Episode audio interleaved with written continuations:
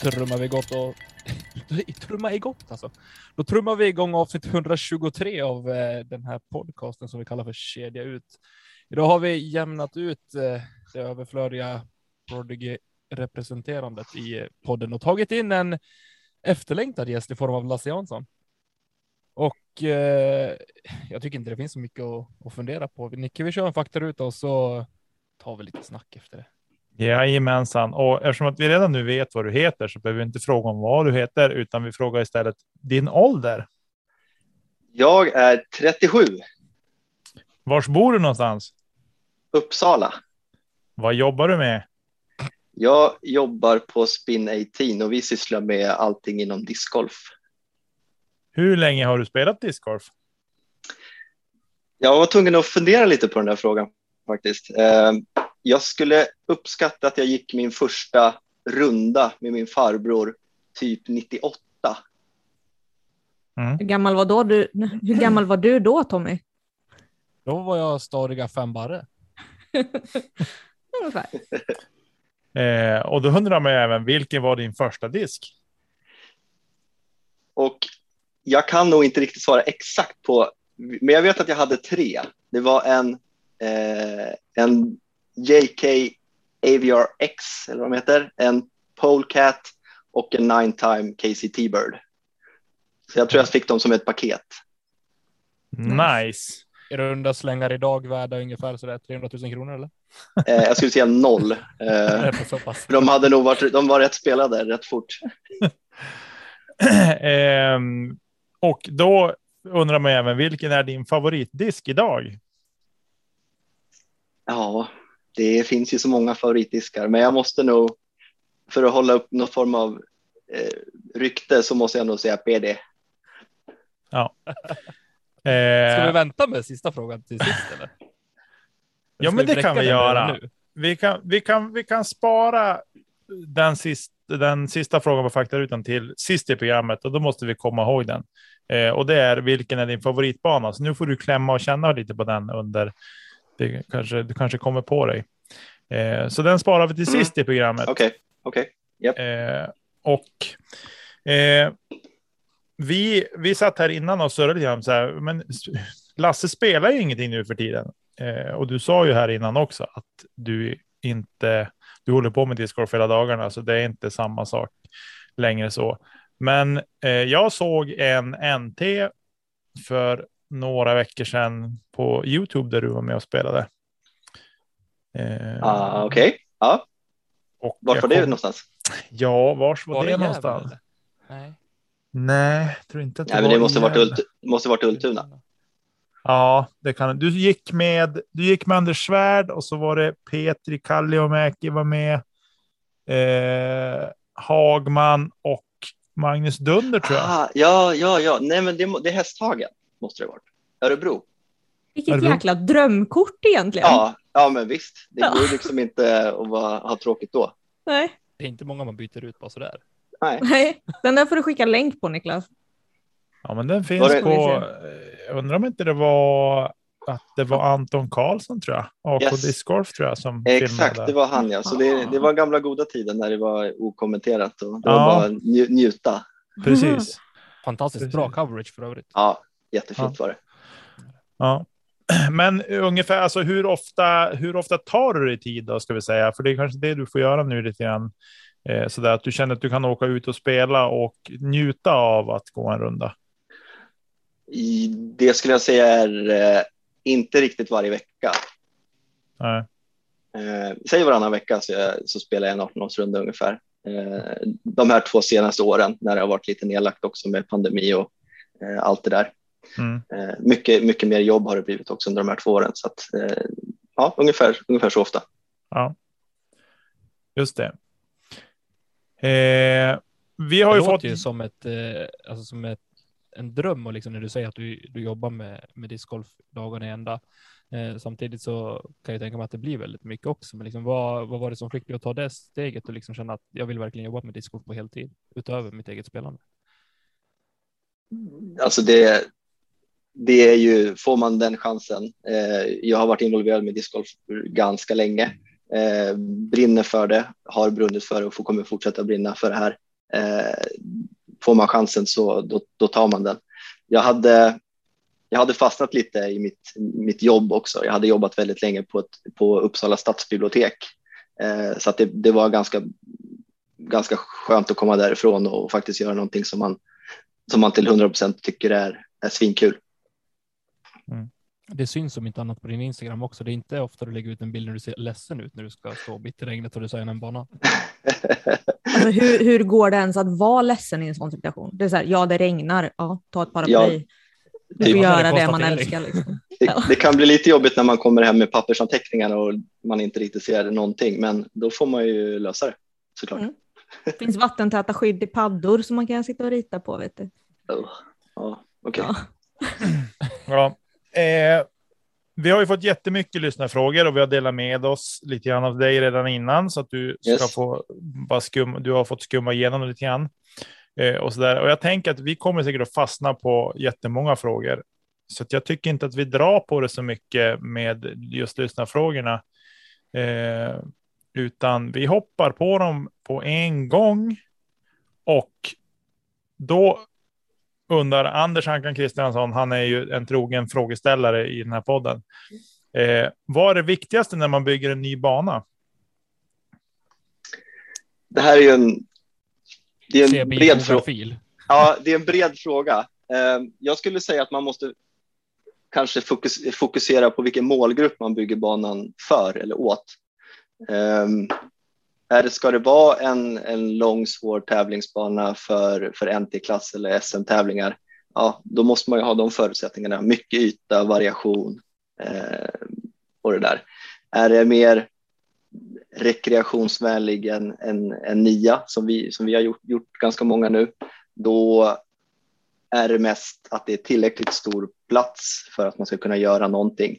För mycket kan man, kan man fabricera på området så länge man har ett område.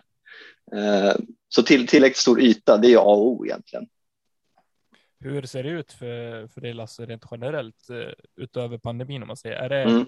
Hur stor del av banorna som du designar är mer inriktade mot eh, de som spelar och tävlar på en högre nivå jämfört mot rekreationsbanor? Eh, Fram till förra året så hade vi i princip bara gjort de här rekreationsbanorna, 9-12 hål, eh, som vi kanske tycker blir lite, som inte ni, vi kallar riktig discgolf. Eh, jag själv har börjat uppskatta de banorna mer och mer. Man kan stanna till på ett, ett stopp, eh, spela nio hål, ta med en middag och en putter, få lite, eh, några steg i kroppen och sådär. Eh, så att mest sådana är det fortfarande. Men det, vi, vi får mer och mer förfrågningar på att hjälpa till Eh, eller designa helt själva. Då. Eh, lite mer nästa nivå kan man säga, 18 hål, par 57, 59, så fortfarande inte de här eh, kanonbanorna, kanonlånga banorna. Mm. Just det. Eh, han ställer även den här frågan. Vad tänker du som banbyggare när du går en bana du inte har spelat förut? Alltså, det är eh, Ja. ganska svårt så, men tänker du mycket på hur banan är utformad eller liksom, är det liksom, du blir arbetsskadad, att, ja, men så här skulle jag ha gjort istället. Ja, alltså det här är ju mer en, en generell fråga för, för alla som spelar discgolf. Det, det är inte specifikt jag, utan jag gissar att ni också när ni kommer till ett hål och bara, ja, ah, men man kanske skulle ha fimpat det där trädet eller det skulle vara ku- kul om korgen var två meter vänster eller jag gissar att ni också har gjort det. Nej, det har Ja. aldrig hänt va? Aldrig hänt. Har ni åkt förbi, åkt förbi en väg och bara, åh, där skulle vara en cool green. Ja, Ja. Nej, men jag brukar reflektera efter rundan eh, faktiskt. Har jag börjat fundera på hur, hur många diskar använder jag? Från tid. Mm. Hur många olika separata? Har jag använt flera är den för mig en bättre bana. Mer variation. Mm. Har jag använt två eller tre, ja, då, då kanske man behöver fundera lite på eh, justera lite längder eh, och även vinklar för att få mer variation. Så, det, så brukar jag göra efter, efter rundan Mm. egentligen. Just det.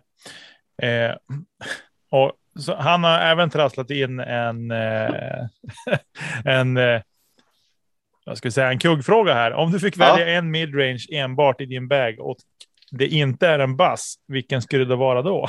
Mm. Ja, det, men han är ändå ganska nära. Jag kastade mycket bass innan jag fick erbjudande att hamna med i Team Discmania så att han är påläst. Eh, Mm. Verkligen. Men om det inte är en bass, då skulle jag säga MD3 eh, faktiskt. Mm. Nya eller gamla? Eh, så slitna det går. Nej då. Eh, jag, har, jag har hittat mina som jag gillar. De är, de är, de är äldre. Ja. Just det. Härligt. sjönk värdet på de nya. Alltså, de nya nya, eh, om vi pratar eh, som inte riktigt finns än, de kommer bli riktigt goda också. Ja. Precis. Klart de kommer. Sitta och smila. Vet du. Ja, såklart att han sitter och har den i handen också. Ja, ja. Nu är Nicke avundsjuk. Oj, oj, oj, oj, Något kosmiskt. Jag vill ha en sån. Verkligen. Vattnar sig i mungiporna här nu. Mm.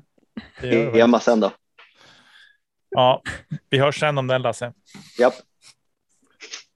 Jaha, är det någon annan som vill ställa en fråga i, av de övriga tre eller an, övriga två i den här podden? Nej, men jag var inne på det just det, banor som du har designat själv också. Eh, om man återgår till det tankesättet och när du spelar en bana för första gången.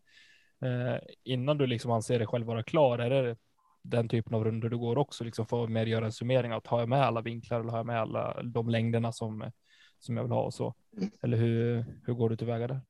Ehm, processen är ju helt annan än vad, vad man kanske tror. När vi kommer till ett område, då är det ofta eh, ett skogsparti som, som är överväxt med sly. Skogen har inte varit omhändertagen på, på många, många år. Ehm, så det, jag kan väldigt sällan eh, kasta några kast för att liksom se hål. Eh, nu för tiden har jag faktiskt inte ens med mig diskar när jag går ut i skogen för jag vet att det, ja, det spelar ingen större roll. Men det man får göra det är, ju, det är att helt enkelt få med så många olika tiotal som, som möjligt då, beroende igen då på vilken målgrupp man, man vill åt. Eh, men också att man har det här eh, utvecklande tanken när man designar banan att det ska både finnas eh, vinklar som går från vänster till höger och höger från vänster och även raka. Eh, det brukar jag ställa upp i en form av tabell när jag mätt klart hålen och har fått en liksom, känsla av vart hålen ska vara. Eh, då kan man dag två eller dag tre då justera några tee-placeringar eller kortplaceringar för att få ut den här maximala variationen på, eh, på hålen och banan. Då.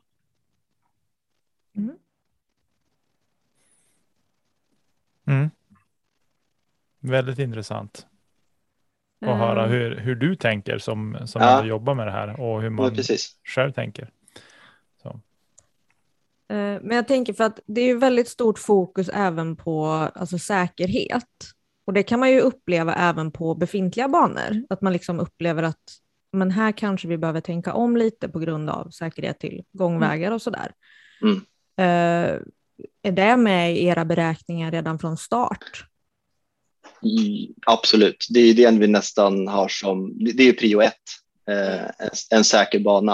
Eh, vi vill att discgolfbanan ska finnas kvar där länge, Mm. eh, inte att någon blir träffad av en disk och det går vidare till, till kommunen då om det, är någon, om det är en kommunal bana och så plockar de ner den. Det, det känns väldigt onödigt. Eh, och därför blir ju ofta de här ytorna som vi har, om det är en stadspark eller ett eh, rekreationsområde, så kan ju många uppleva att hålen blir för korta. Eh, men det, det är för att vi lägger vik- vikt på säkerhet. Man ska inte kasta över en gångväg, inga korsande fairway, säkerhetsmarginaler till, till nästa tio och, och liknande. Så att, ja, Mm. det, det är väldigt viktigt för att det ska bli seriöst. Ja men absolut. Pelle Andersson ställer den frågan nämligen. Eh, men sen så tänker han eh, att det här är väl kanske mer alltså, entusiaster som kanske inte har det här säkerhetstänket. Mm. Eh, vad, har du några råd som du kan ge dem som liksom vill bygga en privat bana? Vad, vad bör de tänka på? Ja, alltså det, det jag sa, säkerhetsmarginaler, eh, inga korsande fairway, eh, hål till två hål till samma korg. Det funkade för tio år sedan, men nu när det är så många som spelar så det blir problem. Liksom. Mm. Eh, man kanske måste korta ner hålet 10 meter istället för att förlänga det 10 meter och kasta över en, eh, en gångväg. Eh, Mm. Det, det, jag ser det som enda alternativet egentligen om man vill att banan ska vara kvar där långsiktigt och discgolfen ska växa som det gör. Mm. Ja, men precis. Eh, sen så undrar han även när du anser att ett hål är fair. Det har pratats lite om typ eh, Philo och Simon Lisotte som säger att um, uh, ja, men, a good throw should be rewarded. Uh, och inte riktigt den här känslan av att man bara kastar och hoppas ungefär. Um, hur smalt bör man göra fairway för att det ska vara svårt men ändå liksom premiera skicklighet uh, framför tur? Ja, den, den där, jag läste frågan och jag, jag förstår vad, vad han vill åt. Att det heter ju fairway av en, av en anledning. Jag, Mm. gillar in, jag gillar inte när det hänger ner grenar eller det står de här enstaka träden mitt i, mitt i fairway. Ehm, då, då bör man ju bredda det lite om man vill ha de där eh, träden mitt i fairway. 100 meter rakt fram. Vilken målgrupp är det? Eh, pratar vi en, en jättesvår tävlingsbana? Mm. Ehm, det kanske är där det är som smalast 8 meter och där det är som bredast 12 någonstans där. Men det är svårt att säga. Ja, men precis. Finns det något bra exempel bara Lasse, som dyker upp i ditt huvud nu på ett befintligt hål som finns på någon bana eh, som vi kan relatera till? Eller sätter jag det på pottan?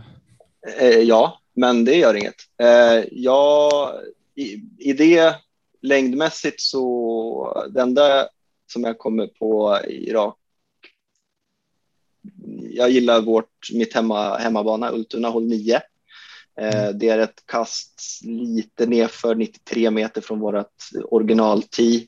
Den har ungefär 10 meter bred fairway eh, korridor på vardera sida. Eh, det tycker jag är ett, ett bra lagom svårt hål för en lagom svår bana. Vi har även på det hålet ett Pro Tee som är 122 meter eh, som gör hålet betydligt tajtare för vinkeln blir, man måste kasta en liten heiserflip så där kan man säga att fairway blir betydligt mer smalare även om det är samma, samma bredd på det så upplevs det som smalare. Mm. Eh, Jag kan tycka gam... Ja, det är det. Verkligen. Jag kan tänka så här typ gamla hål 3 på Alviken var ju lite så här, där vill du inte kasta lite snett till exempel. Det är ju en Precis. par fyra liksom som är verkligen Mm, mm, korridor. Ja, precis. Jag tänker mig håll, är det 17 eller 18 på Alviken eller Jenny som är rätt tajt också, lite lätt nerför. 18. 18. Mm. Ja. Det första kastet där är ett väldigt placeringskast i en Ja, en relativt tajt låg korridor. Det är en par tre jag tänker på. Men då är det inte den. Robin eh, träffade pinnen 2019 där vet jag, på något coverage. Jag, jag minns inte om det var Ja, det, det är Ja, hål sjut- 17, men det är Ja. ganska, Mm. ganska mycket Mm. utför. Okej. det, Alviken, de, de vet ju vad de, vad de håller på med. De har ju Jenny och Alviken blir bara bättre och bättre. Så att, eh, Mm. där, där, är det, där finns det fairways. Mm. Precis. Men det är också så här att är du inte på fairway, då blir du lite straffad av det. Ja, och Som det, det är ju en, det är en process såklart. Eh, skogsbanor. Eh, det får vi höra ganska mycket att, men, att ruffarna är väldigt ruffiga när vi har designat en bana. Vi, jag skulle tillägga, vi, det är väldigt sällan eller aldrig vi som gör röjningsarbetet eller installerar utan det är ofta liksom, kommunen som, som gör det. Så att mycket, Mm. Ofta så är, det- blir det ju något tee som inte hamnar där vi ville och någon korgplacering som blir fyra meter fel eller sådär. De Mm. inte tar ner ett träd. Eh, men de fokuserar ju på att göra en fairway och sen ruffen, det, det får ju antingen en, eh, en förening som kommer igång efteråt ta vid eller att Mm. vi som discgolfare trampar upp den. Så det, det är en process med, med skogsbanor. De, de spelas in en, Mm. likt, likt bra diskar. Liksom. Precis. Det märks också jättestor skillnad på just det att banan spelas in nu när det har blivit sån sjuk trafik på mycket banor och speciellt här i Kristinehamn. För där så gjorde vi flyttade två korgplaceringar. Eh, och på en helg så såg det ut som de har stått där för evigt liksom. Mm. Eh, det var helt sjukt. Kul att se faktiskt. Sånt där. hur Ja. snabbt sti, stigar bildas på de här nya banorna också. Det går Ja. riktigt fort. Ja, men det är nog många som börjar hamna här nu, för nu är det fan en stig till min disk. Det Mm. brukar det inte vara. Det- är som att spela i 20 på vintern, Nicke. Eh, ja, lite så. Ja, Det är som en gångväg i snön där. ja, Ja, precis. Hamna. Alla hamnar här. ja. Magiskt. Eh, jag tänker att vi hoppar vidare. Johan Kolberg är ju en annan banentusiast som jag tänker eh, vi ska ta lite diskussioner kring, kring hans frågor också. Mm. Eh, och då börjar han med sin första fråga. Om ni får ett uppdrag från till exempel en kommun att anlägga en bana på en viss plats och ni märker att platsen lämpar sig bra, halvbra för discgolf, men det finns ett område i närheten som är betydligt bättre lämpat. Hur mycket energi lägger ni då på att försöka övertala kommunen att flytta och hur ofta lyckas ni? eh, alltid svårt med, med kommuner. De är ofta ganska Eh, fasta med, med ytor och eh, olika detaljplaner och allt sånt där. Men, men självklart, och där, där, kickar jag som dis discgolfare in, eh, att liksom man försöker förklara fördelarna med att kanske överväga ett annat område. Men of, i slutändan så är det svårt att nå fram där. Eh, när det har kommit så här långt i, i, en, i en process för, för ny bana, då är det liksom bes, nästan mer eller mindre bestämt att om det ska ske så ska det ske här. Eh, annars är man tillbaks lite på ruta ett. Eh, och jag menar så som det ligger till nu i Sverige så eh, på två år har det mer eller mindre dubblerats antal spelare, men det har inte riktigt dubblerats antal banor så att man får nog ta det man, man får lite grann. Eh, däremot så är det inte helt ovanligt att vi, att vi lyckas förhandla oss till mer plats eh, på den tänkta ytan. Eh, och när jag säger förhandla så säger jag att det är för litet och då säger de ja, men ta lite till då och sen går det bra. Eh, Det går snabbt att lösa med andra ord. ja, men lite så. Eh, så länge man inte tänker sig att det är en helt ny yta på andra sidan stan eller kommunen så då Mm. blir det lite, lite knivigare. Så ja, det, det, allt går såklart, men sen är det frågan hur mycket man ska man skjuta sig själv i foten och, och chansa att man kanske får en bättre bana eller ska man ta den banan som man faktiskt kan, kan göra nu när det Mm. behövs. Det är en Jag svår balansgång. där, Tror du att, eh, nu kanske jag är fördomsfull, men det känns inte som att eh, eh, hattarna på kommunhuset är eh, jätteinsatta i, i våran sport. Eh, tror du att det hade varit lättare om kunskapen och intresset fanns på ett annat sätt, om man säger Ja. i de flesta kommuner, att eh, föra en eh, någonstans nyktrare dialog kring, kring banbyggeri? Absolut, självklart. Jag, menar, det här, jag har jobbat nu fem år. Första året när man ringde runt till kommuner och presenterade discgolf, då var det där, ja nej men discogolf, det är, ja, ja, nej, vi har en bana eh, och det är de här 90-talsbanorna med bara korgar i skogen som ingen använder. Eh, och de tycker inte att det var någon bra idé, så försöker man förklara, men liksom få fram varför tror du att det inte är något bra? Och då säger de, ja men det är ingen som spelar för ingen vet att det finns. Ja, ah, okej, okay. men man kanske behöver skyltar och liksom göra om det lite grann då. Nu för tiden när man ringer och pratar med dem, då är det liksom helt andra toner. Eh, ofta är det någon, ja men min svåger spelar eller ja mina barn spelar, så att det är liksom en helt annan förståelse vad det är för någonting. Jag behöver inte dra det helt från början att ja, man, man spelar som golf fast med, med frisbees. Liksom. Det, det, behöver man, det är nästan avklarat innan nu för tiden, så att det, det har hänt väldigt mycket på de sista åren här i Sverige. Verkligen. lätt jobbat. Eh, det skulle jag inte säga. Vi jobbar ju nästan uteslutande mot kommuner och det, det kan vara väldigt långa korridorer där eh, man kan gömma sig och så där. Så att. Men ju fler spelare hjälper till såklart, för det, det finns mer statistik att luta sig mot och medborgarförslag kommer in och kommer ett medborgarförslag så måste kommunen agera och jag menar. Det slut, jag ska inte säga att det nästan alltid slutar gott, men det väcker en diskussion eh, så att där kan ju alla hjälpa till. Hjälpa till. Mm. Hur mycket säljer... Eh, Får jag bara ta det Nicke först medan jag har Ja. det färskt. Eh, hur mycket data presenterar ni på Spin 18 eh, när ni ska lägga en bana liksom som argument för att få kunna lägga en bana? Om, om det behövs och efterfrågas så försöker vi ta fram information. Det är ju svårt. Eh, vi är ett ganska litet förbund och det är enorma mörkertal. Eh, vi har förlitat oss, jag ska inte säga mycket, men en hel del på eh, UDIS Growth Report som kom i slutet av förra året eller någonting. Eh, den, har varit, den har varit väldigt bra för att man faktiskt kan få se siffror och all, alla man presenterar det för blir jag ska inte säga imponerande, men de blir väldigt överraskade över hur många runder som spelas på vissa banor i Sverige. Eh, Så den nå- kan, jag rekommendera, den kan jag rekommendera till alla som, eh, som ska ta det här snacket med, med sin, sin kommun. Den är bra. Mm. Mm. Du, hur mycket i, ditt, i din yrkesroll får du jobba som med sälj, alltså att sälja in konceptet hos kommunerna? Är det, är det mycket sånt eller är det mest att det kommer kommunerna kontaktar er eller är det att du får ringa kommunen och säga hej, jag finns, jag kan hjälpa er? Mm. Eh, hur funkar det riktigt? Det är, jag skulle säga 98 procent av min tid så sitter jag, är någon form av säljare, eh, tyvärr. Eh, det, har, det har skiftat ganska mycket nu de sista två åren. Nu, nu får vi ju eh, projekt eh, på, på bordet, att kommunerna kontaktar. Men det beror ju också på att vi har varit proaktiva i, i fem år innan eh, och, och pratat med kommuner och försöka ha dialog och förklara vad discgolf är. Men det är, det är svårt för, för mig som, som ja, men vi säger säljare då, eh, sälja någonting till en kommun eftersom det måste komma genom ett politiskt beslut. Eh, genom ett medborgarförslag eller liknande. Mm. Just det. Ja, då, har jag, då känner jag mig nöjd med det. Jag vill bara säga till eh, ungefär eh, geografiskt sett, vilka kommuner är du mest aktiv i? Är det kring Uppsala-regionen eller är det, är du, tar du längre resor också? Ja, oh ja, vi, vi, eh, vi pratar med alla, Ja. alla kommuner. Rätt upp och ner. Eh, jag har designat bana i Luleå och i Trelleborg, så däremellan har jag varit. Magiskt. Det är en bit. Ja, Nicke som är så bra på geografi. Hur långt är det? Ja. Det är Hur var 27 det till? Luleå från Umeå. så vi utgår från Umeå. Ja, det Ja. är världens centrum. Det tror i alla fall Yes. min, mina barn tror det också. Mm.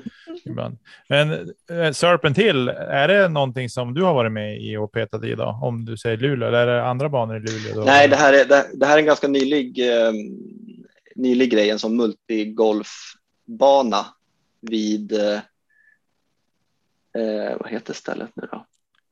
Gick, i- nej, eh, jag gick från flygplatsen, så det var inte långt. Jag gick på en skoter, skoterled. Eh, Okej, heter ja det? då är du ju borta mot... Trollsjön. Ja. Ja. precis. Det området känner jag igen. Så där kommer det ploppa upp en, en sån eh, liten, liten kul. För, för discgolfare kanske man inte ska åka dit och tro att man ska ta fram drivarna, men det är himla roligt eh, med lite fotgolf och parkgolf i kombination med discgolf. Mm. Gött. Vi hoppar vidare till Johans andra fråga. Mm. Då skriver han så här. Många tycker att det har blivit för lätt att putta. Vad tycker du om svårare korvplaceringar som till exempel inslänt eller i närheten av träd för att premiera riktigt bra inspel? Eh, vilka tycker det är lätt att putta? Jag, jag funderar han också på det. Till, eh, jag tror Ja, han men- syftar på Disc Golf Pro Det, Tour. det, det ser lätt ut när de puttar, ja. Eh, absolut. Eh, jag, jag önskar att, att det går att lösa på ett, ett snyggt och, och smidigt sätt. Eh, om, man, om man drar paralleller till den lite större golfsporten eh, som vi brukar kalla bollgolf, där, där gör de det med sina greener. Även om en green är enorm ibland i yta så kanske man bara kan landa på en fjärdedel av ytan. Eh, Mm. och om man inte gör det, ja, men då rullar du ner i en bunker. Om man ska översätta det till discgolf. Jag, jag säger inte att USDGC eh, gjorde det snyggt, men de, de gjorde det på sitt sätt med sina de här mozzarella sticks. Ja, just det. Det premierar ju att du måste spela in disken på rätt sida för att ha den lättaste putten möjlig. Eh, Mm. något sånt, men, men inte så. Kan man göra det mer naturligt? Ja, absolut. Vill man att det ska vara en buske fyra meter från, från korg? Där, är, där går det ju lite delade meningar. Eh, många vill att det ska vara rent och fint innanför cirkeln. Ja, men då, då kanske det blir lite för lätt att putta också. Men där måste ju, där måste ju då utveckling hänga med med, med, med grafik och T-signs och caddybooks och allt det där för att man ska förstå att ah, det ligger en buske eller ligger. Det är en buske fem meter höger om korg. Ah, jag måste hamna till vänster om korg. Mm. Eh, men visst, sen kan man ju sätta i slänta, man kan göra upphöjda korgar. Sen vill man ju inte att det ska bli liksom lite minigolf över det hela eh, med dinglande upphängda i kedjor och så där. Det, det tycker inte jag kanske är rätt, rätt melodi. Det är ju Nickis Eh, favorit när ja, han hänger okej. i luften. Ja, det, det känns, det känns Nej. orimligt. Bara en Nej, men ni tanke förstår. som slog mig nu. Att just det kanske inte är, alltså en putt är lika mycket värt som, som en drive, det är ett kast eh, vardera. Finns det någonstans man ska kunna bara men, göra vägen till korg svårare? Alternativet, alltså att inspelet kanske inte är den svåra delen, men driven är den, det svåra kastet för att eh, sen ska kunna premieras eller Mm. jobba där någonstans. Visst, det kanske skulle krävas längre hål, men om vi håller oss på tävlingsnivån eh, och på de, Mm. på de högre nivåerna så vad, vad tror du? Vad, Alltså det, de, de som är riktigt duktiga på det här, de har ju, de brukar säga Eagle has bro broken the game lite grann. Och jag håller ju med. Alltså vad, vad ska man göra? Eh, Mm. Om man kollade på den här Northwood Black, där i, i min värld, visst det finns, det fanns en fairway, men den var inte jättefair.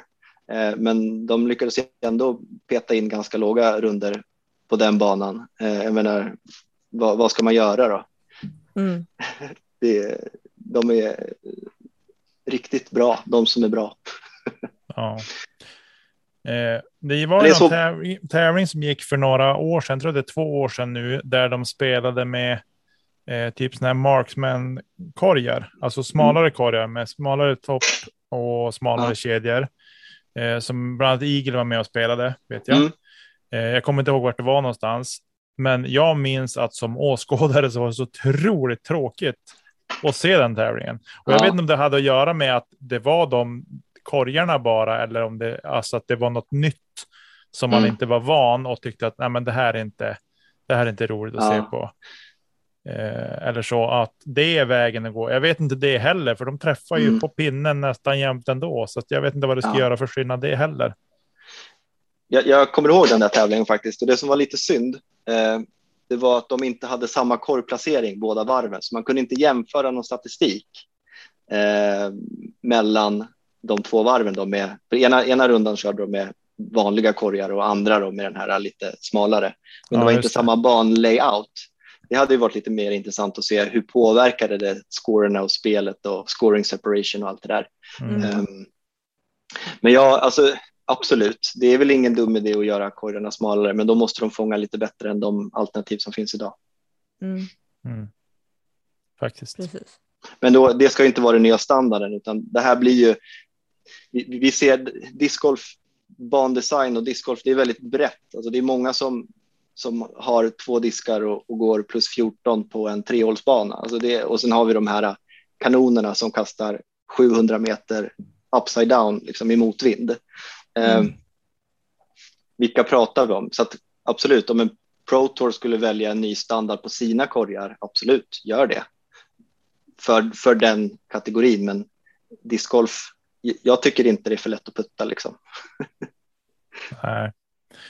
Nej, för jag tror inte man ska, man ska inte förändra för, för den stora massan, utan det, man måste Nej. smala ner och göra det svårare för, för proffsen helt enkelt. Och det gör ju Pro Tour. De gör ju jättebra jobb med att göra banor för, för att vara underhållande för de här topp 4 procenten som spelar eller topp 2 procenten eller vad det är.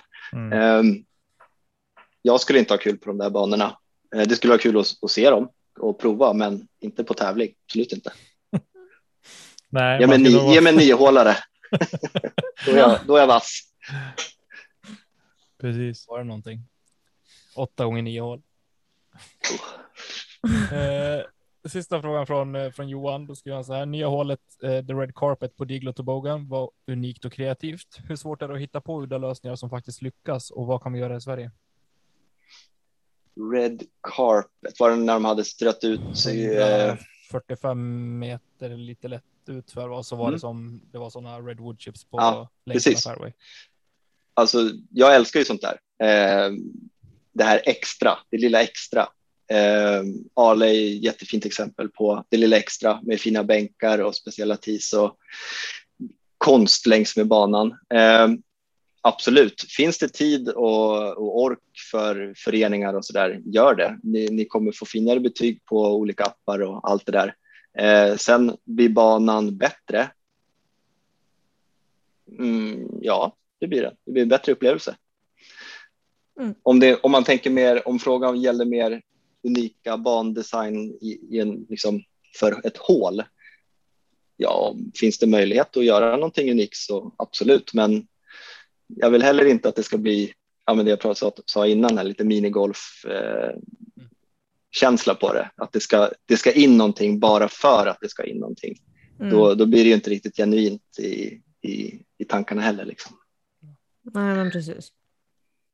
Eh, Men ja, vill man ha en udda lösning då, då kan man ju göra en udda lösning. Men jag vet inte vad det skulle vara.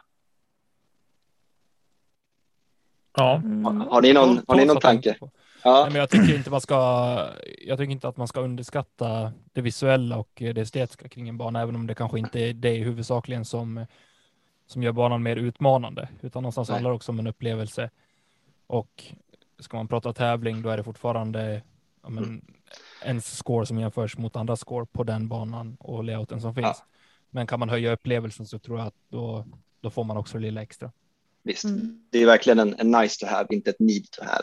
Exakt. Mm. mm. Alltså någonting som verkligen gör banan personlig. Ja, Du ja ska men signa- komma ihåg någonting från att du lämnade banan. Det ska liksom inte vara så här, ja okej, Mm. det var en Mm. okej bana. Ja, men visst. Signaturhål, eh, Instagramvänligt är ju någonting vi Mm. också börja prata med med kommuner som går igång på. Så det är absolut. Eh, har man möjlighet att göra någonting ja, udda eller unikt, eh, kör för sjutton. Där vill jag bara flika in en snabb fråga när vi ändå är på ämnet. Eh, vi hoppar om lite här, men den här kommer från eh, Mikael Buj. Och det är bara för att vi är på ämnet nu, men majoriteten verkar gilla lite mer öppna hål, gärna som man kastar utför och, eh, och nerför. Eh, oftast blir dessa hål mer pittoreska och därav kommer folk ihåg dessa hål. Hur designar man pittoreska minnesvärda skogshål? Och har du några exempel på sådana? Eh, ja, han har helt rätt. Och, jag menar, det, det vet man ju själv. Det är ju definitivt roligare att, att stå uppe på en höjd och kasta ut för än att försöka kämpa sig upp för. Eh, eh, men Ja, jo. det, det, det är såklart, alltså det, det är svårt att säga vad, vad gör ett, ett sånt hål. Det är ju, alla, allas ögon ser hå- hål olika. Eh, jag, jag, har ju, jag gillar ju såklart fina skogshål där, de, där man har lyckats glesa ur eller liksom ruffen på ett bra sätt. Eh, det kommer in lite solljus, det kan kanske börja bli lite gräsmatta. Eh, det för mig lämnar ju spår. Eh, sen hur, hur hålet är utformat, det, det spelar egentligen inte stor roll. Alla hål har ju sin charm lite grann. Mm. Eh, Ett, ett exempel som, som jag tycker är kul, som jag gärna kastar två kast på om jag har möjlighet, eh, Lillsjön hål 17 exempelvis. Ett par par femman där fem va? Par fem hål som är eh, kul, bra utformat. Det, är- det är väl så här par fyra och en halv kanske, eh, Mm. men i kombination med deras nya, nya supersvåra par fyra så, så jämnar det ut sig lite grann. Ja, precis. För där är det ju liksom sk- blandskog, alltså det är både mm, björk Mm. och tall på längs sidorna och så är det ju lite Yes. här blixtformad nästan. Ja, det är en, det är en, för mig som, som backhandspelare är det en ganska trevlig turnover. Om man vill gå lite extra före så tar man en lite forcerad eh, Anheuser som gärna kommer tillbaka lite på slutet. Om man Mm. har den, den känslan och viljan så går det. Mm. Eh, ja, men det, det är ett hål som jag tycker, eh, tycker är bra Mm. och ser kul ut. Ser trevligt ut också. Precis. Ja. Eh, du, Joel Kärnlund undrar, hur övertygar man sura tjänstemän på kommun? Eh, ja, svar på den frågan tycker jag. Lite så. Eh, ett, eh, starta en förening.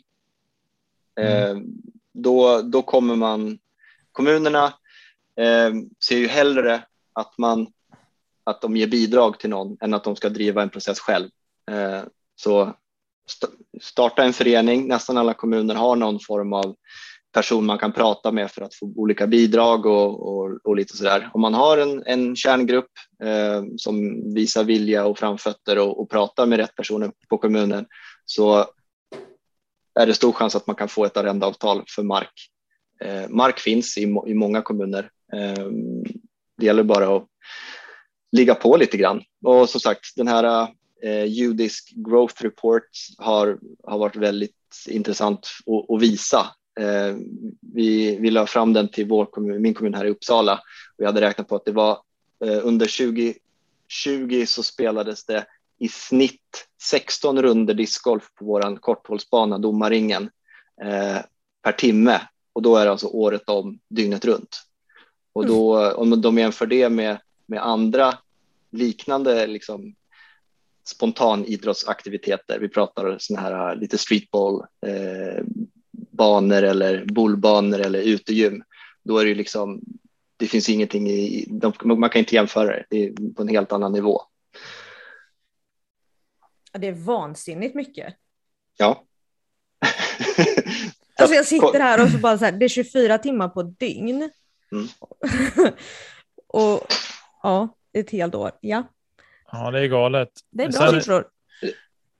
Absolut, och det, jag menar, den banan, är, absolut, vi, vi är en stor stad och den spelas mycket, men det finns ju banor som spelas betydligt mer än den. Så att, mm. eh, ta fram lite statistik och visa och det här med att, eh, att, att det är en pandemi, att utomhusaktiviteter är, är någonting eh, positivt. Det, det, har, det vet kommunerna.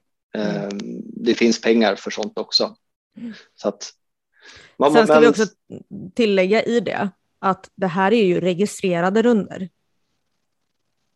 Alltså mm, de ser ja. ju inte, eller är det vi, medräknat liksom ett estimerat plus som inte är registrerade runder? Ja, jag tror ja. att i, i, i, rapporten så står det att de uppskattar att var femte runda är registrerad på Judix, så vi, vi gick med den statistiken då. Ah, okay. Mm. Men ändå, det är riktigt mm. nice. Men framförallt det, det viktigaste med, med kommuner, tålamod. Alltså det, mm. det tar lång tid. Man kan inte förvänta sig ett resultat på ett halvår, utan det är en lång process. Så att, mm håll, håll ut, håll i, eh, så, är det, så löser det sig. Men mm. ja. Sen var ju det här med medborgarförslag som du sa tidigare var ju också en, mm. en bra grej, tänker jag. Absolut, absolut. Att, få, att det kommer in ett sånt. Mm. Eh, Micke Böj, han har skickat ett helt gäng med frågor. Vi har redan avhandlat mm. en. Han undrar så här. Hur står du till kvantitet versus kvalitet när det kommer till nya banor. Och då med kvalitet menar han mästerskapsbanor som håller SM-EM-nivå. Mm. Eh, vad tror du krävs för att få mer kvalitet på discgolfbanorna? Fler discgolfare. Mm. Jag tror nästan att det är så enkelt. Um, själv, alltså visst, discgolfare på rekreationsnivå eller pratar vi fler? Alltså överlag. Kan hävda sig tävlingsmässigt? Eh, eh, nej, men vi säger i botten av pyramiden helt enkelt. Eh, självklart, alltså mästerskapsbanor ploppar inte bara upp på, på träd, men jag, jag, tror att om det finns en, en, en stor bas, en bred bas, så kommer också eh, personer med lite, lite entreprenörer hitta till det här eh, segmentet att hej, vänta nu, det här kanske är någonting man kan, kan livnära sig på. Eh, skapa en, en pay to play bana som kanske i början är lite basic, men sen vidareutvecklas för att det finns ekonomi i att utveckla någonting. Det var väl sen, inte så padden eh, fick det skjutet det fick också. Ja, ja, ja men där finns det pengar att tjäna, då, då är det ju, då är det business och man, det är bara att tuta och köra. Nu finns det inte det i discgolf riktigt än, eh, men jag, nu är det ju upp till, till föreningarna som har eh, banor att vidareutveckla banor. Det som kan hända då, det är att det inte kommer någon återväxt för att banorna blir för svåra där. Så man behöver också de här rekreationsbanorna för att få in nya spelare till sporten. Ehm, men det, ja, det, det, är min åsikt. Sen vet inte jag hur man ska göra på riktigt. Hur, hur, hur gör man bana? Liksom? Ehm, är det upp till föreningarna att lösa det så att vi kan tävla på de här svåra banorna eller ska det komma personer utifrån discgolf eller inom discgolf, då, men som gör det mer professionellt och, och, och hittar områden där man kan gå loss och göra riktiga mästerskapsbanor. Mm. Hur många, hur många sådana banor tycker ni man ska ha i Sverige? Hur många behövs?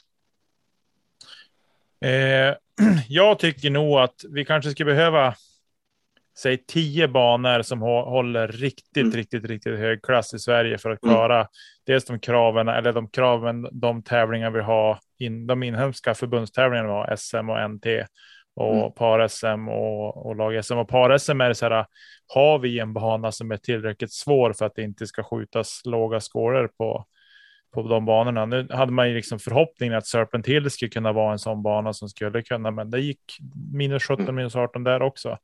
Ja, ja. Eh, liksom, så att, eh, och det är klart att nu ska det bli jätteintressant att komma ner och se Alviken som har, har piffats ännu mer med och så. Om Men där gick de ju vecka. minus 19 så jag vet inte. ja. Ja, men Då var har det ändå en svår bana.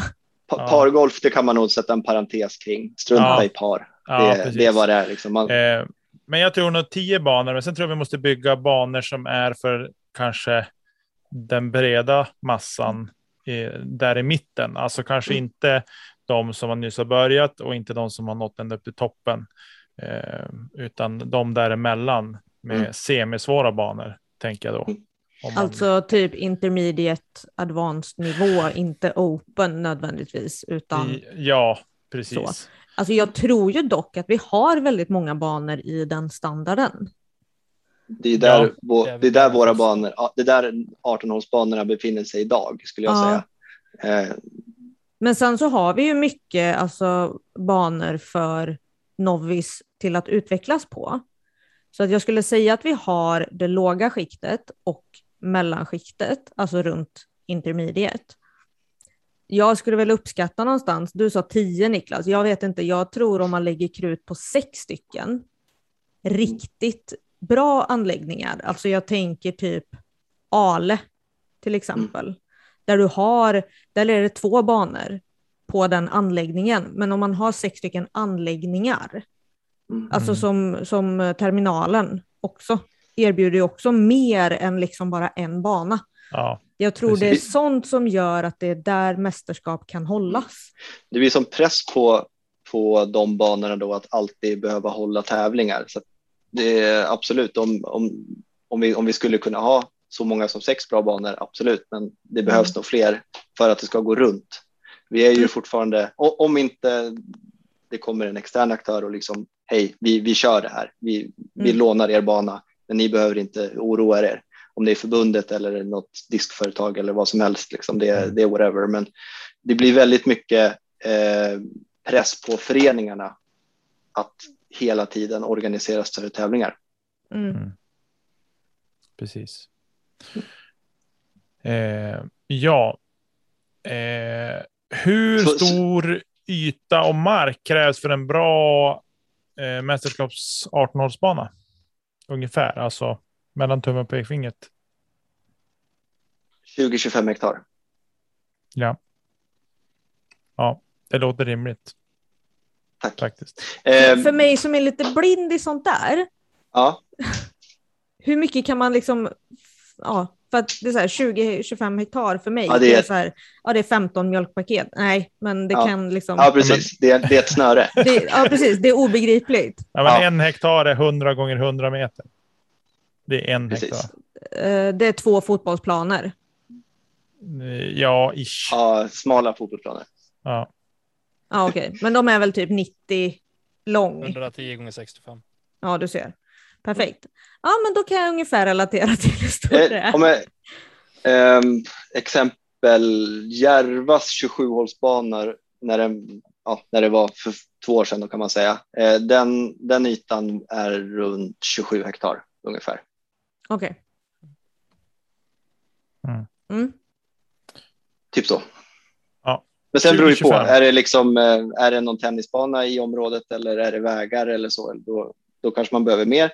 Är det liksom en, eh, en blank canvas med bara discgolf då, då klarar man sig på 20. Alltså det är, ja, kanske inte 20, men ja, säg 20 då.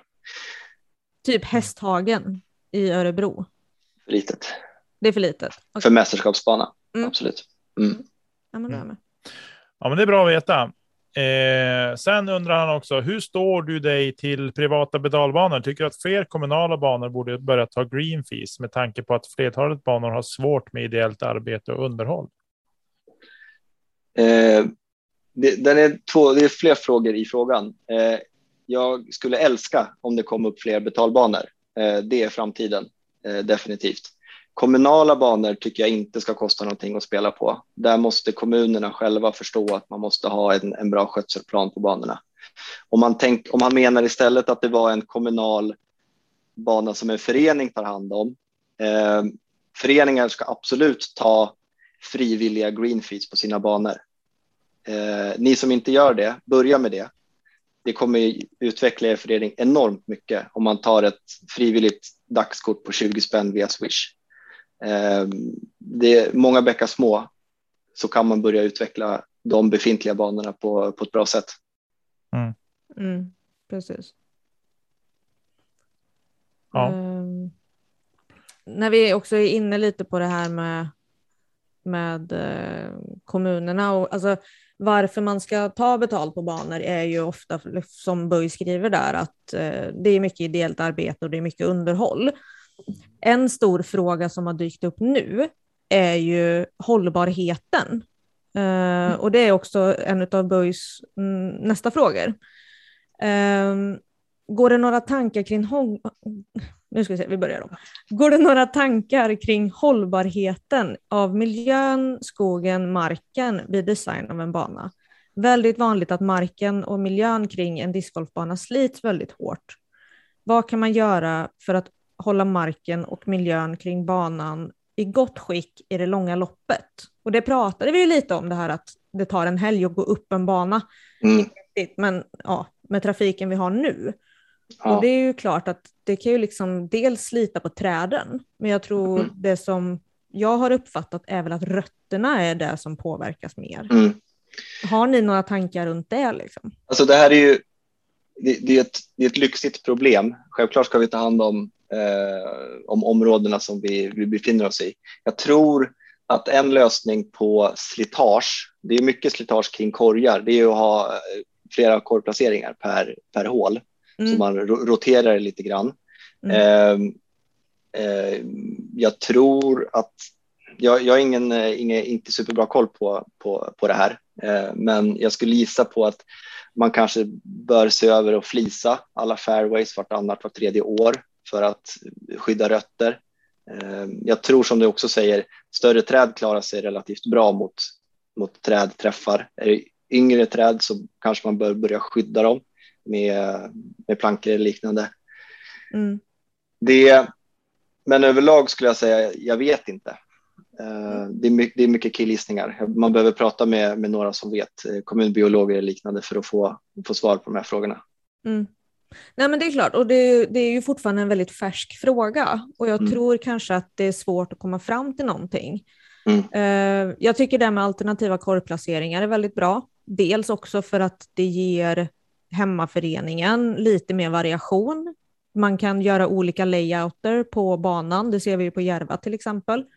Mm. Ehm, men sen också det här att ja, men man kanske köper träflis och lägger runt korgen. Dels för att minska liksom lera och sånt Mm. som blir lätt. Ehm, men också att man faktiskt värnar lite om, om rötter som kanske har kommit fram. Precis. Ja.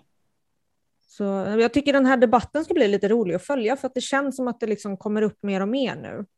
Ehm, Absolut. Många banor är ju, är ju söndertrampade. Sen tror jag, beroende på, är det en skogsbana, ja men då kanske det är alternativ att man behöver flisa, i, inte bara kring korg utan även hela, hela gångpartier och eh, fairways. Mm. Är det lite mer park, då, då kan det vara så att man behöver stänga av banorna eh, under sen höst och tidig vår så att Mm. det verkligen får återhämta sig och flera korgplaceringar. Men, ja. Igen ett exempel från Järva, där de i våras när det var så himla Ja, ja. blött eh, fick stänga ner banan under, alltså ja men ifall det var tio hål som behövde Mm. stänga, ja men då får man Mm. göra det och jag tycker Visst. väl på något sätt att vi får acceptera det också. Självklart. Ehm, men ehm, vad kan, alltså, nu ska vi se. Vad tycker du att det ska finnas för kriterier eh, för en riktigt bra discgolfanläggning? Till exempel typ parkering. Alltså det bör väl alla ha, tänker jag. Ehm, har ni också Eh, jag lägger till en sak där och undrar vad som är en optimal eh, godkänd T-pad enligt er. Material och dimensioner. Det blir liksom lite så här helheten Ja, av ja, discgolfanläggningen kan man säga. Eh, det är igen då, eh, han, han- han nämner kriteriemarkområden riktigt bra. Eh, en bra discgolfanläggning ska som man säger ha service, eh, antingen om det är en pro shop eller någonting i närheten där man Mm. kan köpa sig snacks, få färskt vatten, eh, gå på toa. Det ska finnas självklart parkering. Det skadar inte om det finns bra kommunikation med bussar. Ehm, sen själva marken i sig för discgolf, där vet vi alla, vi vill gärna ha lite kuperad terräng. Eh, det skadar heller inte om det finns lite, lite skog kombinerat med lite, lite öppna fält. Eh, jag är ju, älskar ju vatten på banor, tycker det är svinkul, som någon bäck eller något litet vattendrag. Eh, men det, det här är inget, det är inget nytt för någon. Liksom. Man, man vet ju vad man vill ha kring en bana och det, det, det söker, söker vi också efter såklart när vi pratar med med kommuner eller eh, liknande. Men servicen är viktig för att få det att kunna växa. Det är en sak om det finns eh, en bana i stan, men kan man inte som en icke insatt discgolfare köpa en disk i en butik i närheten, då, då blir det inte jättemycket road sport tyvärr. Jag tänkte också kring eh, alltså placeringen just av, av parkbanor och sånt här också. Eh, om man ser till somrarna. Jag vet att i Norrköping där jag varit själv i, i folkparken där så finns det en glasskiosk i anslutning till banan till exempel. Mm. Sånt gör ju väldigt mycket för alltså den stora folkmassan som är där och får testa på. Självklart.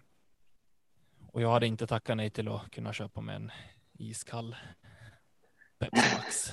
Jag är inte sponsrat det här eller? Nej, men efter Ja. nio år liksom, det hade varit gött. Ja, men och så här, Eh. diskutlämning blir ju lite lättare och sånt där också. Då, Ja, ja. Ja, visst, visst. och Mm. diverse. Ja, annat Om vi ska se till själva banan då. Alltså så här, han nämner optimal T-pad, material Mm. och dimensioner. Jag tänker även, alltså, Ja. ni, ni har ju ett paket liksom, Ja, visst. om jag förstår rätt, med så här. T-skyltar och korgar och alltihopa. Precis. Eh, eh, T-pad ska ju... Det finns inga för stora T-pads. Eh, det finns för breda T-pads, absolut. Eh, för då missar man lite kanske eh, vad bandesignen tänker om man kan om man har fyra meter bred T-pad. Men eh, minst fyra meter långa. Eh, gärna försänkta i, i marknivå som man inte behöver fundera på. Det finns ju några som, tio, eh, ja, som snedspringare som kommer av upp från sidan. Eh, man måste tänka på dem också. Så att minst fyra meter försänkta i marken, det är, det är optimalt. Sen går ju inte det på alla ställen. Det finns ju banor som har tis på berg. Eh, då får man ju fundera på längre tis eller bygga någon trallvariant eh, så att den på så sätt blir, blir nedsänkt. Då. Mm. Ja, men precis. Du, vi har en eh, kändis här, Andreas Karlsson, Hoppa Karlsson. Känner du till honom? Ja, för sjutton. Vi har, eh, han får ju lite för information ibland på, på banor från mig så att han kan börja planera. Det tycker jag han ska ha. Eh, vi ska också ge honom en känga, för det märks ju här att han inte lyssnar på podden eh, särskilt ofta. Han frågade, förut hade vi en faktaruta där vi frågade vem man skulle splitta en butelj med på, på en middag. Ja, Och eh, vem tillsammans med. Och där hade han hoppats på att du skulle svara honom. Men vi har ju tagit bort den frågan. ja. han får aldrig veta. Synd. Och, nej, det får han aldrig veta. Han hade hoppats på att du skulle välja honom i alla fall. Eh, ja. så, hans fråga är däremot att eh, tror du att Disc Golf Park växer så pass snabbt så att du behöver en till i ert crew snart? I så fall har du mitt nummer. Sen tänkte jag också om du har mycket att göra så kanske jag kan last, avlasta lite grann med att göra hålkartor eller något i deras datasystem. Okej.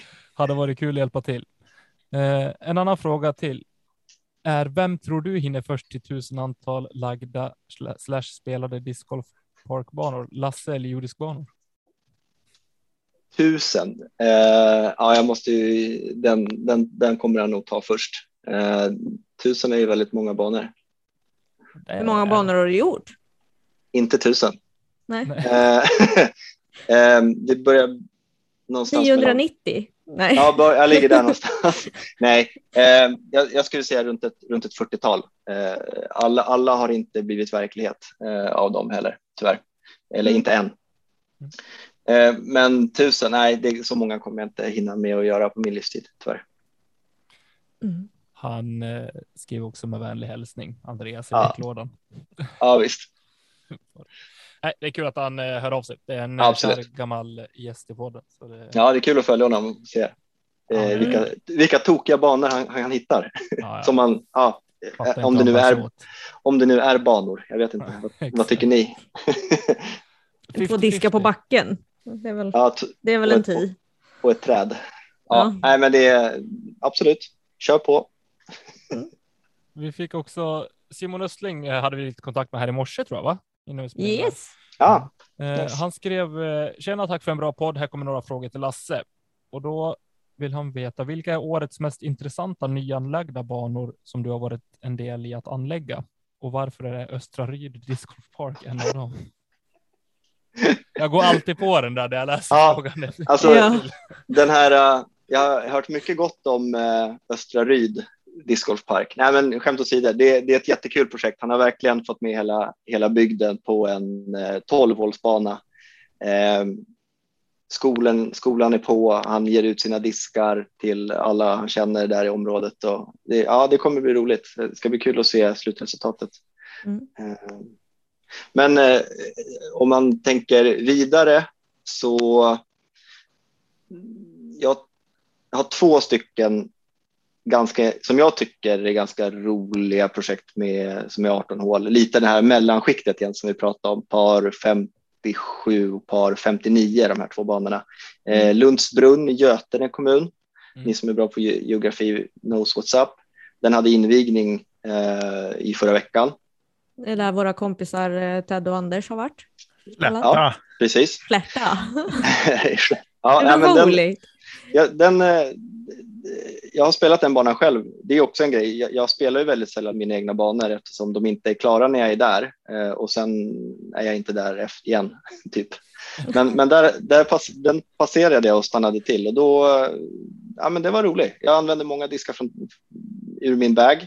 Eh, ruffen var väldigt ruffig eh, och det, så är det. Det kommer vara så alldeles säkert eh, nästa säsong också kanske. Eh, men den var rolig att spela. Eh, Kobackabana eh, kallas den också i folkmun där borta. Mhm. För den är gjord i. Kobacka. De pratar väldigt gott om den i alla fall. Borta Ja, vad kul. Snacka plast. Så Ja, vad roligt att höra. Det får du ta åt dig av. Ja, vad bra, härligt. Eh, sen har jag en annan bubblare som är eh, än så länge kanske inte känd. Eh, Hävla, Hävla bruk i Finspång. Där är det ett stort bruk som har en friskvårdssatsning som har gjort en, eh, en 18-hålsbana. Eh, nio hål klara med front nine som är lite mer basic. Eh, det är ett par fyra hål. Eh, annars är det snittlängder på par tre hålen på 80-85 meter kanske. Mm. Men, men back nine blir betydligt tuffare med tre par fyra hål och ett förhoppningsvis ett riktigt sweet två avslutningshål över en damm eh, på en island green och lite sådär.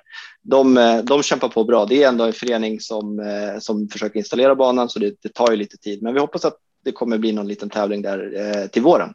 Att banan är färdigspelad. Den, den ser jag verkligen fram emot att spela. Det är bra gäng där borta. Där bara. Alltså, vad, Ja. vad tycker du generellt om det upplägget kring det här? Att man gör en lite mer basic frontline exempelvis, men man verkligen pangar på och försöker fokusera på, på svårighetsgrad på, på nästa nio. Det är, absolut, det funkar, funkar för, för mig skulle jag säga. Eh, alla hinner inte spela eh, 18 hål. Man kan välja då om man vill hålla sig på front eller back. Om man har gjort en bra slinga som knyter samman efter nio. Okej. Själv, självklart ser jag hellre att man, man gör eh, två separata 18-hålsbanor eller en 18 fullt tävlingsbana och en rekreationsnia bredvid. Eh, det lobbade jag för såklart på det här stället, men där var det lite yta och ekonomin såklart som, som spelar roll. Så att där blev det, blev det den lösningen. Mm. Där vill jag slå ett slag faktiskt, när vi ändå är inne på det. Sorry, att jag drar en passus till. Mm. Eh, för du har varit involverad i Kils eh, discgolfbana, va? Här i Värmland. Eh, nej, inte jag. Det är min Nej, kollega, Mm. the, the man, Tommy, som har gjort den. Ja, för det började nog som en niohålsbana på liksom ena sidan av vägen. Och Mm. det är så som, som vi pratade om nu, att det var en mycket lättare liksom så här, ja, Mm. eh, front nine. Sen så lades back nine. Och den är ju så här, alltså man kan inte tro att det är samma bana man spelar eh, om man går alla 18. Jag vet att det som gjordes eh, nu i sommar var att de har gjort en bakre tee på front nine. Så att nu börjar den komma upp i lite mer samma standard som back nine. Ja. Eh, men då att ordinarie ligger liksom kvar. Jag får lite domarringen Röbo-vibbar här. Eller är jag helt ute och cyklar nu Lasse? Eh, nej, men det stämmer nog ganska bra. Eh, vi har ju också, nu, nu avbryter vi dig då såklart här. Ja, men det går bra. Eh, Nej, jag ville ja. bara dra en passus till att har man en lätt front nine så kan man ju göra den svår eh, till att matcha back nine fast man Mm. har original layouten kvar. igen är det viktigt att man inte glömmer bort eh, de här eh, räckspelarna. För det är Mm. tyvärr väldigt många som spelar, spelar från Pro-T, för ofta i bandesign som jag, som jag har sett så är banan designad för ett Pro-T och sen Mm. har man gjort ett kortare T som kanske inte alls är lika intressant hål och utkastet är två pinnar. Liksom. Att man, Mm. I så fall måste man gå, gå lite all in. Men många, många kommer då inte gå till det här kortare tid som kanske skulle vara roligare för, för personen att spela från. Så det måste man liksom, jag vet inte exakt hur, hur, man, hur man gör det på ett bra sätt. Mm. Jag, jag ser ju såklart hellre att man gör, man, man delar på målgruppen lite grann. Att hej, Mm. rekreationsbanan är här och här är tävlings, tävlingsbanan. Men alla har ju inte den lyxen att det finns flera banor eller flera områden i, i, på samma ställe liksom där det får plats. Eh, men ja, domarringen Röbo är ju, är ju lite så. Det är ju två helt separata banor. Domarringen, vi är i Uppsala nu för de som undrar. Eh, domarringen är föreningens bana, eh, lättare rekreationsbana, snittlängd på eh, ja, 70 meter kanske. Medans Röbo discgolfpark är en kommunal som är beställd då från discgolfpark som Tommy gjorde. Men Tommy var i, hade god kontakt med oss i föreningen och frågade hej, jag förstår det är, det är kommunal bana, men jag vet att det är ni som kommer spela här. Vad, vad vill ni ha? Och vi hade ett litet, ett litet hopp där mellan våran andra klubbbana, Ultuna, som är då var en ganska lång bana. Eh, Så vi sa det, hej, vi vill gärna ha någonting som är mittemellan domarringen och Röbo för, för, för ett bra komplement till, till de banorna vi har. Eh, Och det blev ju... Domarringen Ultuna menar du nog. Ja, förlåt. Eh, tack. Men eh, och det tyckte jag han fixade väldigt bra. Så att vi har nu spelar man domarringen och Röbo som är ungefär 200 meter ifrån varandra så har man en komplett 18-hålsbana där igen då jag behöver använda väldigt många olika diskar från TI för att ta mig runt så bra som möjligt på de, på de två banorna. Det blev ett långt svar. Ja, men men det, det- blev det ett svar ens? Nej, Absolut. jag vet inte. Vet inte. Ja, vi, vi säger ja. Det-. Någonstans är Många nivåer och välplanerat. Ja, visst. Eh, Simon frågar också då, har Team några prioriterade utvecklingsområden när det gäller discgolfpark och banbygge? Om inte, vad skulle ni vilja satsa mer på? Tack för all hjälp och support i vårt banbygge. Det har varit ovärderligt. Ja, tack själv Simon, det, det har varit riktigt kul att vara med. Ehm, alltså, vi vill ju, vi har ju en liten intern kamp såklart. Jag, jag och Tommy sitter i Sverige, eh, så har vi liksom moderskeppet i, i Finland. Vi vill ju naturligtvis bräcka dem. Eh, tyvärr så har ju de några år före oss. De har ju över 800 banor nu eller vad det är och, och vi ligger väl, eh, ja, om man kollar, om man ska fråga Andreas så har vi över 500, men jag kanske tycker att vi kanske har 300 banor. Men det skulle ju vara kul att försöka komma ikapp Finland lite grann med antal banor så att egentligen mängden banor är otroligt viktigt för att det, det ska gå framåt nu. Vart skulle, vem skulle du säga ansvaret ligger på? Eller vilka? Främst. Discgolf, discgolfarna. Snyggt. Vill ni ha, liksom, vill man ha mer, fler, mindre kö, eh, då får vi bygga fler hål. Det är det som gäller. Mm. Japp, det är lite som att sparka in en öppen dörr, men så är det ju faktiskt. Mm.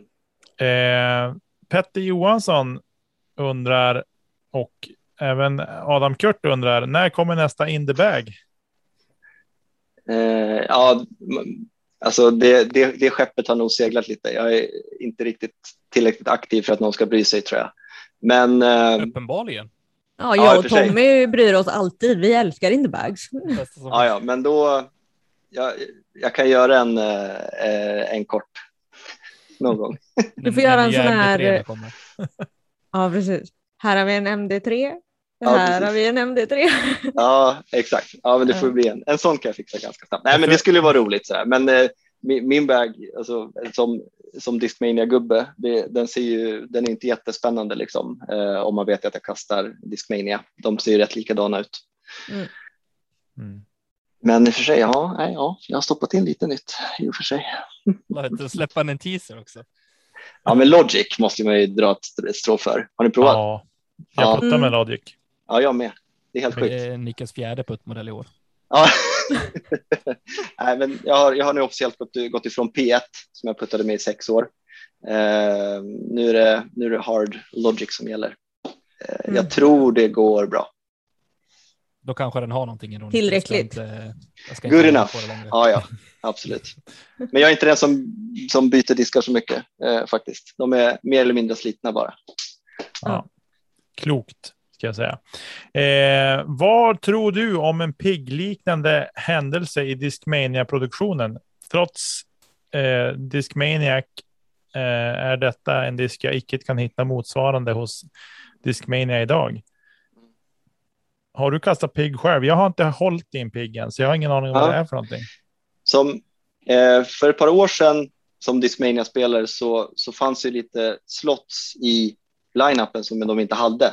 Eh, så att alla Discmania-spelare hade, eh, liksom, fick utan att fråga använda Firebird, Gator och något form eh, putter överstabilt och många använde PIG. Jag använde PIG också.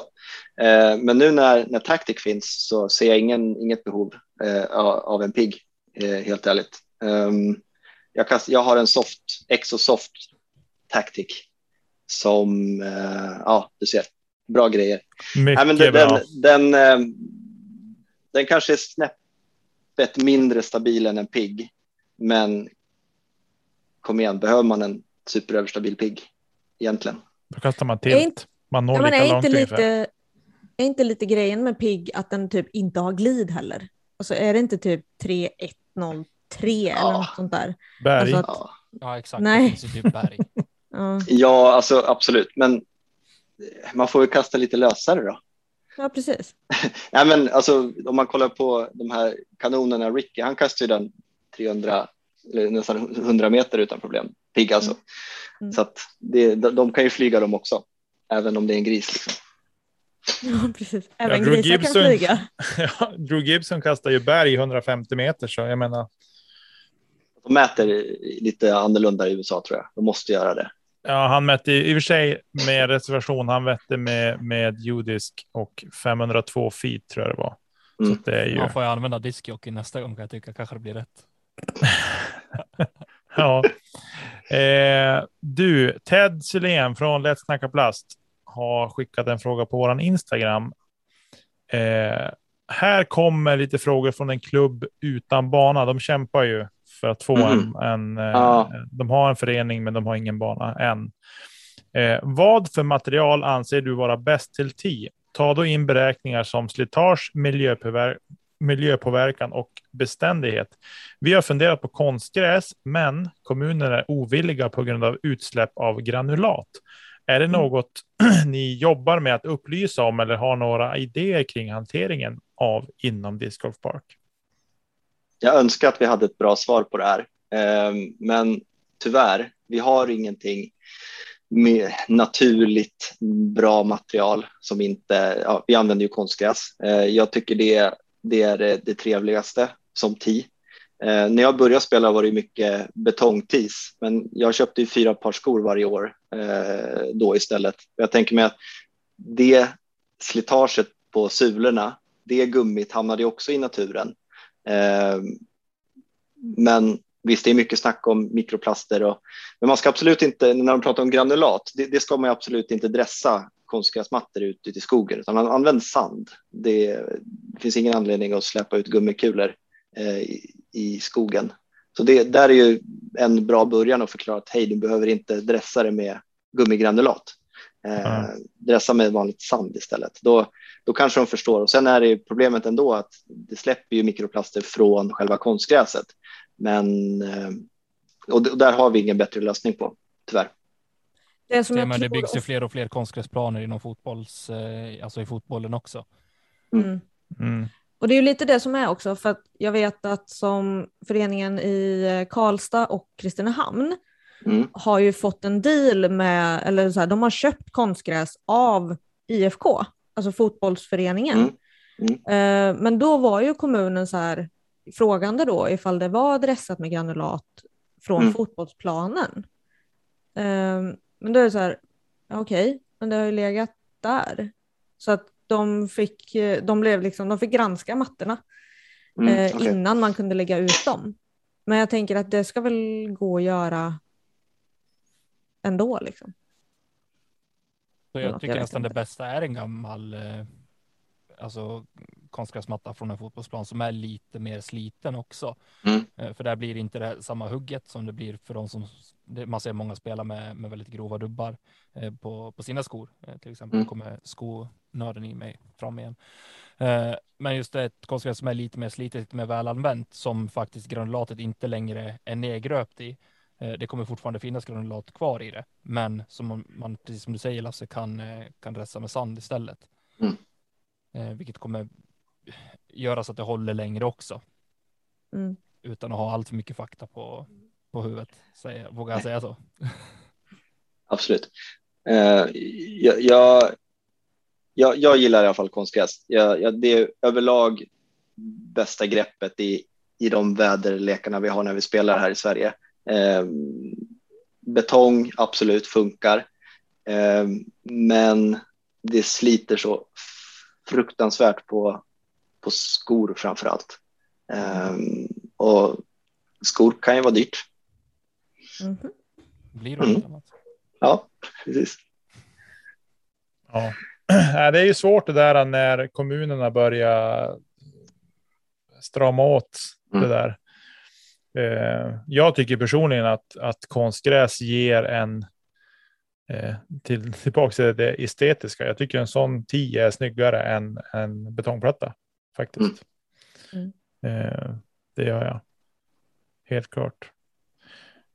Eh, och sen är de ju, vi hämtade ju här, dels hit där i, till i Sävar, hämtade vi en gammal konstgräsplan som vi skakade ur.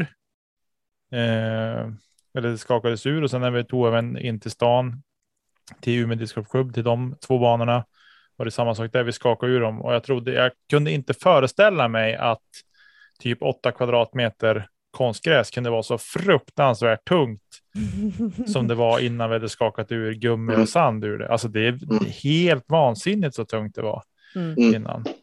Ja, Eh, det, är- det väger bly. Ja, minst sagt kan vi säga. Eh, nu har vi kommit fram till sista frågan Lasse. Och det är den som var kvar från faktarutan. ja, Eller det blir väl egentligen två frågor kan vi väl säga. Eh, vilken är din favoritbana och vilken bana är du själv mest stolt över som du har designat?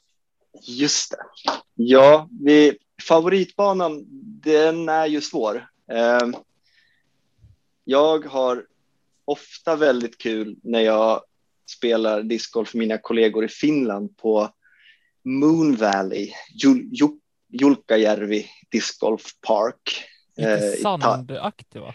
Ja, exakt. Ja. Det är så här gammalt sandtag med ung, eh, ung gran eller tall eller vad det är. Wasteland. Ja, oh yeah. Nej, men där, där, brukar jag, där brukar jag ha kul. Eh, där brukar, får man ju spela med, med, bra, med bra spelare också. Eh, den är ganska tuff och lite unikt landskap sådär. Men jag skulle nog ändå, vi ser att den bubblar, men eh, Frans Ferdinand, är ju, den är svårslagen. Det är så himla kul att spela där borta. Driven på håll 9, ja usch. Det är, Man vill ju vara där. Ja, just det. Men just vilken, vilken bana är du mest stolt över då? Ehm, den här, jag, jag har sett den här frågan innan. Jag, jag funderade ett tag och jag skulle nog säga Mariehamn discgolfpark.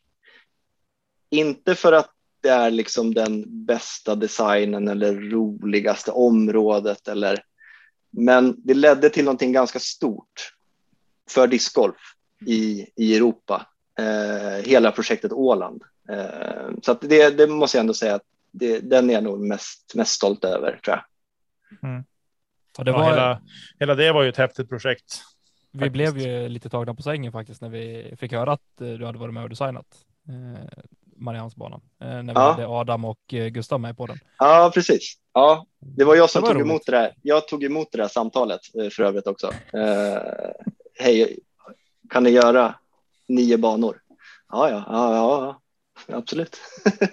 Det var det är bland de sjukare historierna vi har hört. Tror jag. Ja, jag bjuder på den. Nej, det, var, det, var, det var lite surrealistiskt. Och så när vi liksom, eh, lite så här språkförbistringar mellan, mellan oss, då. vi pratar ju svenska men på olika sätt.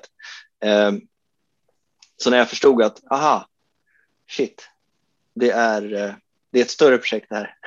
jag återkommer. Vi, ja, men vi var ju tvungna att liksom switcha liksom alla resurser mot det här. Det är, ett- det är ett jätteprojekt att göra det på så kort tid.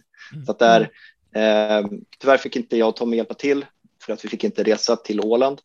Eh, så att eh, grabbarna i Finland, Passi eh, i spetsen, har gjort ett enormt jobb där. Många veckor på Åland. Nej, Jag, jag älskar det här bara. Ja, vi vill anlägga nio eh, banor säger han. Mm. Och så bara, ja men vi har så här 9 och 12 och 18 hålslösningar. Ja. Så bara, ja, inte nio hål utan Ja. nio banor. det är så klockrent. Ja, det var jättekul. Och så på ett halvår eller på ett år eller vad det var. Ja. Ja, det nej, det, det är en historia som eh, kommer leva med oss länge. Det var Hoppas det. magiskt. På det. Mm. Har eh, Elina och Niklas någonting med till, eller har Lasse någonting att tillägga? Jag känner, Jag har kört lite över Lasse nu känns Ja, det ja. som. Över mig, över tiden. Nej, men alltså, som sagt, jag, jag pratar mycket discgolf. Jag tycker det är jättekul. Eh, det, det är därför man jobbar med det såklart. Eh, Mm. Är det inte kul så då finns det andra jobb. Men det här är någonting jag brinner för och jag vet att ni gör det också. Så att, eh, tack för att ni gör det. tack själv Lasse. Jag tänkte säga tack för att du gör det, för annars hade inte vi haft möjligheten att göra det på Precis. samma sätt. Okej, Fair enough. fair enough. Ja, nej, vi ska ta och släppa iväg Lasse och eh, vi tackar dig så otroligt mycket att du ville gästa Kedja ut och eh, det har varit en fantastiskt lärorik eh, timme, eller på att säga en och en halv nästan i alla fall, Mm. eh, tycker jag. Och jag hoppas att eh, ni lyssnare har fått svar på era frågor och eh, sätter spaden i backen och eh, använder den info ni har fått. Mm. Tills eh, nästa gång så vill vi tacka er för att ni lyssnar och eh, ja, rattar in oss varje vecka. Det är det som gör så att vi tycker att det är kul att eh, trycka på rec varje vecka. Stort tack till Marcus Linder och Emil Lennartsson för vignetter, jinglar och grafik. Sen vill vi rikta ett stort, stort tack till våra patrons som gör det lilla extra för att vi ska kunna göra det lilla extra för er. Era bidrag är ovärderliga för oss. Vill du som lyssnar bidra till vår utveckling av podden? Då besöker du patreon.com slash kedja ut och signar upp. Det lilla gör mycket. Hej då! Hej då. Hej då.